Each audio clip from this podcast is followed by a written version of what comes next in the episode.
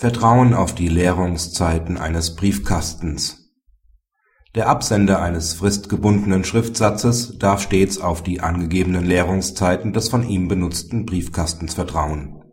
Ein Mandant erstrebte die Wiedereinsetzung in den vorigen Stand wegen Versäumung der Berufungsbegründungsfrist. Gegen das ihm am 1.3. zugestellte Urteil hatte er rechtzeitig Berufung eingelegt die Berufungsbegründung war jedoch erst am 3.5. und damit einen Tag nach Fristablauf bei dem OLG eingegangen.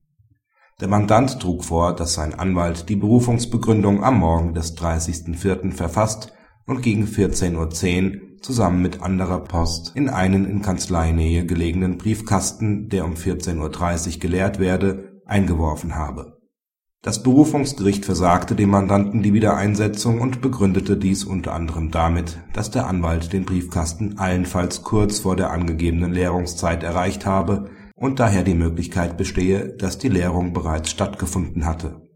Der BGH entschied, dass die Versagung der Wiedereinsetzung in den vorigen Stand zu Unrecht erfolgte. Zunächst ruft er in Erinnerung dass nach ständiger Rechtsprechung des Bundesverfassungsgerichts, des BGH und der anderen obersten Gerichtshöfe dem Bürger Verzögerungen der Briefbeförderung oder der Briefzustellung durch die Deutsche Post AG nicht als Verschulden angerechnet werden. Vielmehr darf dieser darauf vertrauen, dass die Postlaufzeiten eingehalten werden, die seitens der Deutschen Post AG für den Normalfall festgelegt werden ein Versagen dieser Vorkehrungen darf dem Bürger im Rahmen der Wiedereinsetzung in den vorigen Stand nicht als Verschulden angerechnet werden, weil er darauf keinen Einfluss hat. Möchte eine Partei einen fristgebundenen Schriftsatz auf dem Postweg befördern lassen, liegt es hingegen in ihrem Verantwortungsbereich, dass das Schriftstück so rechtzeitig und ordnungsgemäß aufgegeben wird, dass es nach den organisatorischen und betrieblichen Vorkehrungen der Deutschen Post AG den Empfänger fristgerecht erreichen kann Grundsätzlich darf eine Partei darauf vertrauen, dass im Bundesgebiet werktags aufgegebene Postsendungen am folgenden Werktag ausgeliefert werden.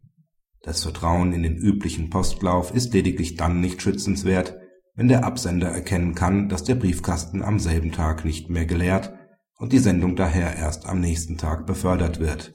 Deutlich zu weit geht die Forderung des Berufungsgerichts, dass der Absender schon dann nicht mehr auf die gewöhnlichen Postlaufzeiten vertrauen darf sondern weitergehende Maßnahmen für den rechtzeitigen Zugang des Schriftsatzes treffen muss, wenn er die Postsendung erst kurz vor der angeschlagenen Leerungszeit in den Briefkasten einwirft. Auch der Einwurf einer Postsendung wenige Minuten vor der angeschlagenen Leerungszeit eines Briefkastens ist ausreichend. Der Absender darf auf die angegebenen Leerungszeiten vertrauen und muss keinesfalls mit einer früheren Leerung des Briefkastens rechnen Letzteres wäre ein in den Verantwortungsbereich der Deutschen Post AG zuzuordnender Umstand, der dem Absender nicht als Verschulden angerechnet werden darf.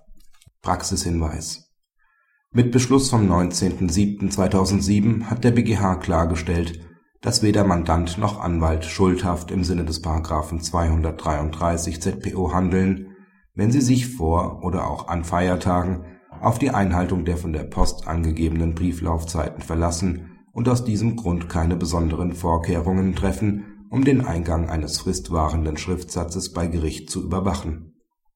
Kann sich ein Anwalt nach dem gewöhnlichen Verlauf der Dinge darauf verlassen, dass Schriftsätze vom Kurierdienst des Anwaltsvereins spätestens am darauffolgenden Werktag eingehen, können ihm Verzögerungen durch Feiertage ebenfalls nicht als Verschulden angerechnet werden